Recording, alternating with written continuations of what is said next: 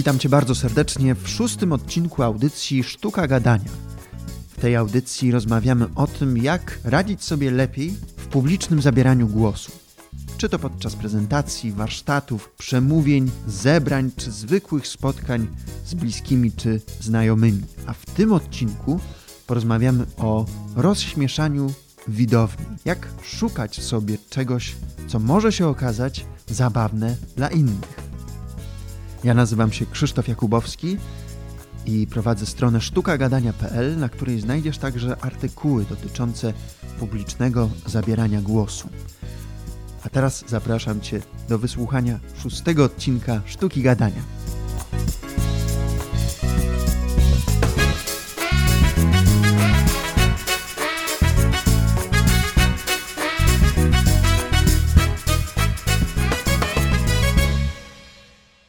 Czy chciałbyś co jakiś czas rozbawić swoją widownię? Albo czy obawiasz się tego, że to, co tobie wydaje się śmieszne, dla innych może okazać się na przykład żałosne? Albo czy uważasz, że nie masz poczucia humoru? Ja sądzę, że warto, warto, tak jak w poprzednim odcinku mówiliśmy, co jakiś czas wrzucić coś zabawnego, ponieważ to rozładowuje atmosferę, sprawia, że słuchacze bardziej się skupiają, no i też bardziej nas lubią jako, jako mówców, ponieważ dostarczamy im nie tylko wiedzy, ale też rozrywki. Ja muszę Ci powiedzieć szczerze, że kiedy widownia się śmieje z tego, co mówię, to zawsze jest to dla mnie zaskoczeniem. Natomiast kiedy sobie wymyślę, że chcę być teraz zabawny, to często się zdarza, że wcale zabawny nie jestem. To oznacza, że jeszcze nie do końca czuję humor na scenie. Myślę, że jest to szalenie ciekawy i ważny temat, dlatego postanowiłem zaprosić eksperta, który się na humorze zna. Marcin Kruk jest mówcą, muzykiem, a zasłynął z mowy pod tytułem Bzy, bzy. Tak jak twierdzi żartobliwie, jest to jego największy sukces życiowy, bo od tej mowy wszystko się zaczęło. Uważam, że wskazówki, które usłyszysz w tej rozmowie, przydadzą ci się nie tylko do konstruowania mów humorystycznych, takich, których celem jest rozbawienie widowni, ale do jakiegokolwiek wystąpienia, czy to prezentacji, czy wykładu, czy przemówienia. Dlatego nie przedłużając, chcę Cię zaprosić na rozmowę z Marcinem Krukiem. Mowa pod tytułem Bzy Bzy, jak sam mówisz, jest Twoim największym życiowym sukcesem. Powiedz, czy jest ona gdzieś dostępna, tak żeby słuchacze mogli ją obejrzeć, żeby wiedzieli, o czym mówimy? To znaczy, to o tym największym życiowym osiągnięciu to było jednak z przymrużeniem oka mówione. To myślę. Natomiast tak, jak najbardziej. Jest na, na YouTubie, wystarczy sobie wpisać Marcin Kruk, e, bz, bz, w sensie bez Y, tylko przez 2Z. I e, spokojnie można znaleźć na kanale Warsztaty TLI. Ona jest dostępna naprawdę nigdy się nie spotkałem z aż takim odbiorem publiczności pod kątem tego, ile osób do mnie przyszło i powiedziało, że wow, stary, supermowa, zrobiłeś dobrą robotę, więc to był na pewno wyznacznik duży.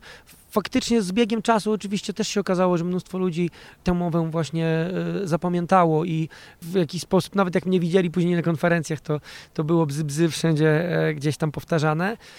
Natomiast czy ona była dobra? Powiem Ci tak, na pewno to był dobry wykon. To, co, o czym dzisiaj trochę mówiłem podczas warsztatu, że trochę trzeba odróżnić to, jaka jest mowa, a to, jak się ją wykonuje w danym momencie, czy w danym dniu. I myślę, że tutaj pewnego rodzaju, trochę tak jak w sporcie, że zadecydowała dyspozycja dnia o tym, że byłem odpowiednio skoncentrowany, o tym, że dostałem odpowiednie wsparcie od organizatorów i były to po prostu odpowiednie okoliczności dla mnie, które pozwoliły na, na zrobienie naprawdę dobrego wykonu, który, przy którym właśnie te odpowiedzi publiczności były bardzo mocne.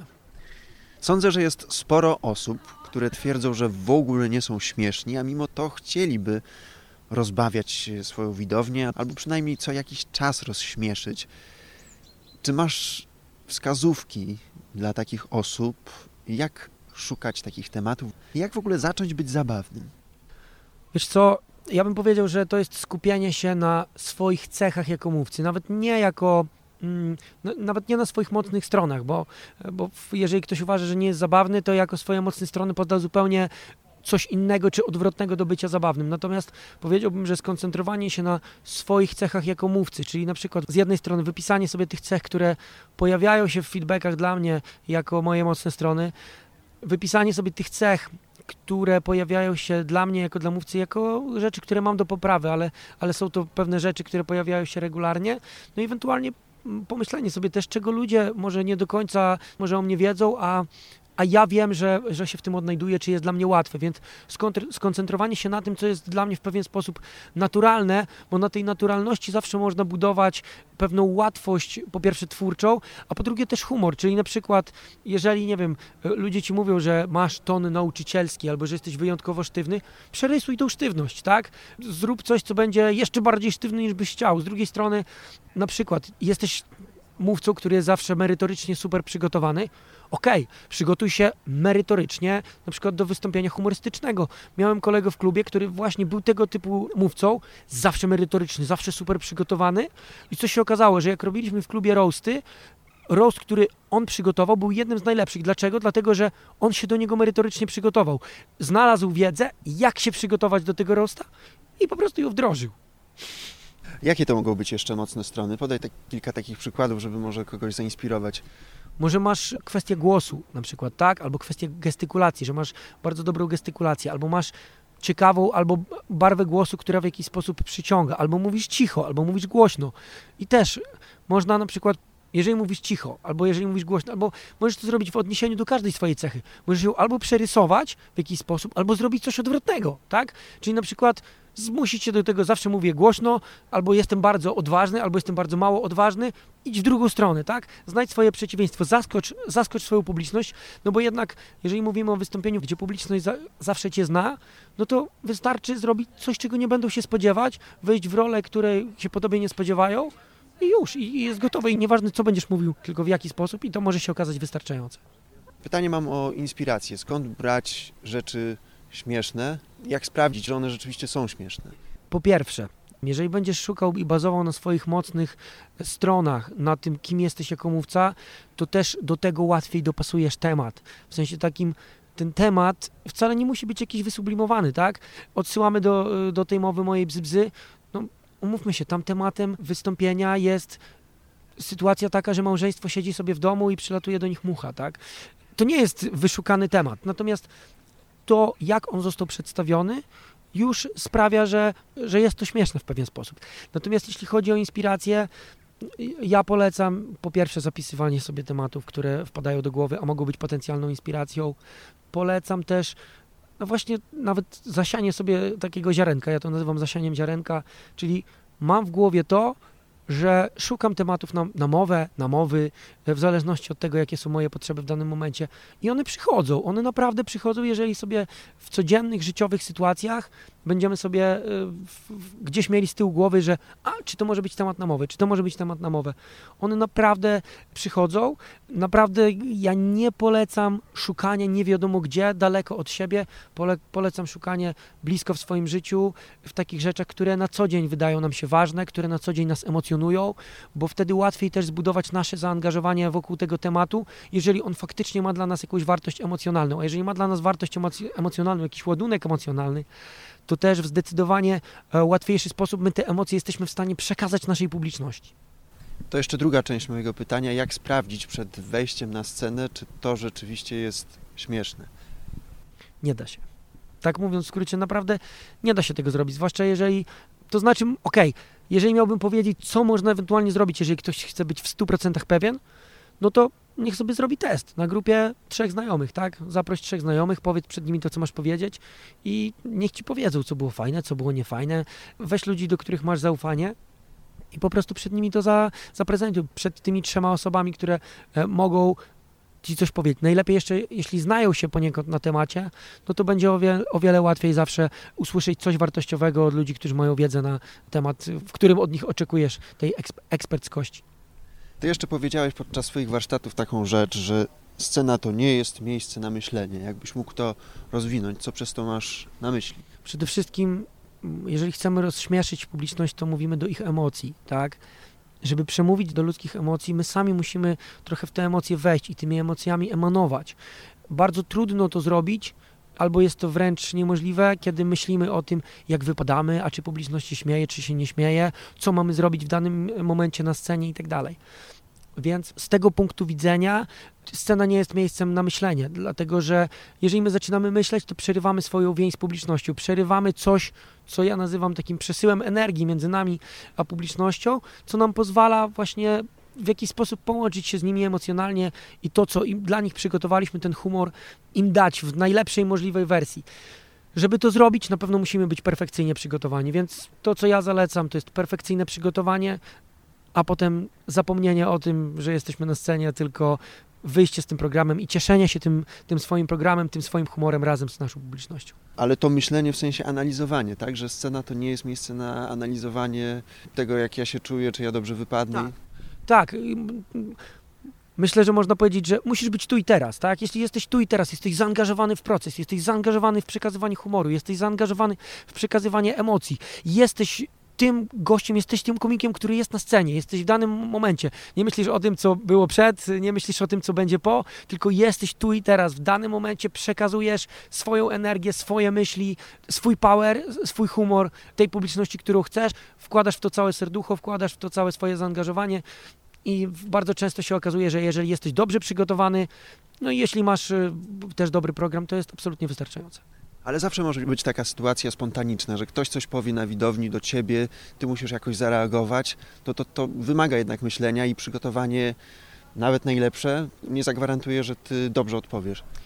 Zgadza się, natomiast wszystko zależy od tego, z jakim wystąpieniem mamy, mamy do czynienia. No, nie zawsze też format jest taki, który pozwala publiczności na jakieś reakcje na bieżąco, natomiast zawsze można powiedzieć, nie wiem, odesłać to w o tym później, nie? Czy, tak jakby nie przeszkadzać sobie w tym procesie, jeżeli nie jesteś pewien tego, w jaki sposób poradzisz sobie z trudnym tematem, z reakcją publiczności, z jakimś wtrąceniem ze strony kogoś z publiki, ucinaj i jedź dalej, po prostu.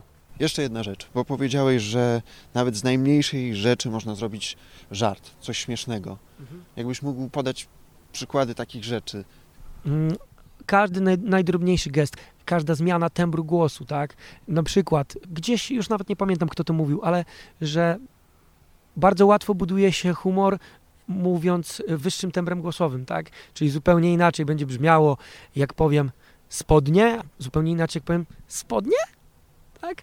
Czyli wystarczy w prosty sposób zmienić jedno, nie wiem, końcówkę zdania na przykład, powiedzieć innym tembrem, albo w pewnym momencie przyspieszyć, albo zwolnić, skupić się na odpowiednim momencie, zrobić pauzę. To są wszystko zasady, które dotyczą wszystkich wystąpień publicznych. Natomiast jeżeli myślimy o nim, jeżeli myślimy o wystąpieniu w kontekście takim, że humor, że wszystko musi być podszyte humorem, wszystko, każdy element najlepiej, jeżeli jest podszyty humorem, no to, to, to jest odpowiedź, wydaje mi się, na, na, na Twoje pytanie, że każde słowo, że spodnie, a możesz użyć słowa portki, tak? Czyli użyć słowa, które jest inaczej nacechowane emocjonalnie, tak? Czyli, nie wiem, użyć słowa okulary albo binokle, nie wiem, użyć słowa, które jest stare albo cokolwiek, tak? E, tak jak zamiast użyć słowa dobry, możesz użyć słowa fantastyczny, bajeczny, cudowny, niesamowity, tak? Czyli szukanie słów bardziej nacechowanych emocjonalnie i służących humorowi, no, też mówię, czasami chodzi o jedno słowo i jeżeli w ten sposób naładujesz tą swoją mowę, że to nie będzie tylko historia, która prowadzi do jakiejś puenty, tylko to będzie historia, która jest w każdym momencie naładowana jakimiś żartami, to mogą być mini żarty. To nie chodzi o to, żeby w każdym zdaniu była puenta, tylko chodzi o to, żeby każdy element wskazywał w jakiś sposób na to, że można się z tego zaśmiać i tak jeden się z tego zaśmieje, a drugi się zaśmieje z tego, co jest dwie sekundy później, trzeci z tego, co jest kolejne dwie sekundy później i w ten sposób całą publikę utrzymujesz w takim stanie takiego takiego podśmiewania, takiego tak, wszyscy są jednak gdzieś się angażują, gdzieś słuchają i jak dochodzisz do tej puenty, do tego punchline'u, to się okazuje, że to jest absolutnie wystarczające i publiczność wybucha śmiechem, tak? A gdybyś miał polecić źródła wiedzy na temat tego, jak rozśmieszać ludzi, albo polecił jakieś autorytety w tej dziedzinie, to co by to było i kto by to był? To znaczy przede wszystkim ostatnio właśnie rozmawiałem z jednym z polskich komików, stand-uperów profesjonalnych i powiedział mi, stary, możesz czytać książki, możesz chodzić na warsztaty, których de facto zresztą w Polsce nie ma w tym momencie, ale możesz czytać książki, ale to ci nic nie da po prostu, tak? Najlepszym źródłem jest po prostu ciągła nauka, ciągłe poprawianie materiału. Jest dużo imprez w całej Polsce teraz, tak zwanych open miców, gdzie można przyjść i testować swój materiał. Ów komik właśnie mi powiedział, że trzeba stestować materiał najlepiej na co najmniej 10 różnych publicznościach, żeby wiedzieć, czy ten materiał na pewno się nie nadaje, albo które części tego materiału się nadają lub nie nadają. Natomiast źródła wiedzy, YouTube jest nieprzebranym źródłem wiedzy, jest podcast bodajże Gawła Feligi, który się nazywa Nagrałeś to. Jest Michał Leja Show, program e, Michała Lej, też polskiego komika, który też robi wywiady, super. E, jest Talking Funny, to jest taki program, to jest godzina rozmowy amerykańskich komików, jest na YouTubie z polskimi napisami. Jest taki program e, Jerry'ego Seinfelda na Netflixie Comedians in Cars Getting Coffee. Ja myślę, że to słuchanie po prostu tego, co ci ludzie mają w głowie i co między sobą, o czym między sobą rozmawiają, o co się nawzajem pytają, bo naprawdę wyciągają sobie z głowy tony, tony y, bardzo takiej fajnej wiedzy i praktycznej, y, którą można w jakiś sposób wdrożyć. Bardzo Ci dziękuję. No i do usłyszenia, mam nadzieję. Spoko, nie ma sprawy. Dzięki również. Bardzo dziękuję Marcinowi. Mam nadzieję, że usłyszałeś tutaj wskazówki, które Ci się przydadzą podczas Twoich wystąpień. Ja natomiast chcę jeszcze dołożyć swoje trzy grosze. Dwie takie myśli, których podczas tej rozmowy nie poruszyliśmy. Mianowicie nic na siłę. Jeżeli uważasz, że to nie jest Twój dzień, że nie masz nastroju do rozbawiania innych, to daj sobie spokój. Tak samo jeśli jeszcze nie odkryłeś w sobie tego, co może być zabawne dla innych, to też nie staraj się na siłę rozbawiać. Obserwuj, co śmieszy, a co nie śmieszy, ale nie rób tego na siłę, bo efekt może być gorszy niż będziesz po prostu sobą. I druga rzecz, moim zdaniem, nie warto częstować widowni dowcipem, żartem, sucharem na początku wystąpienia, ponieważ w pierwszych zdaniach naszego wystąpienia publiczność nas ocenia. To wtedy ważą się losy, czy będą chcieli nas słuchać, czy nie, czy nas polubią, czy nie. A mówiąc żart, zawsze jest jakieś ryzyko, że nie, że nie będzie zabawny. Nawet jeśli powiedziałeś go 10 razy na scenie, to za tym 11 razem możesz nikogo nie rozbawić.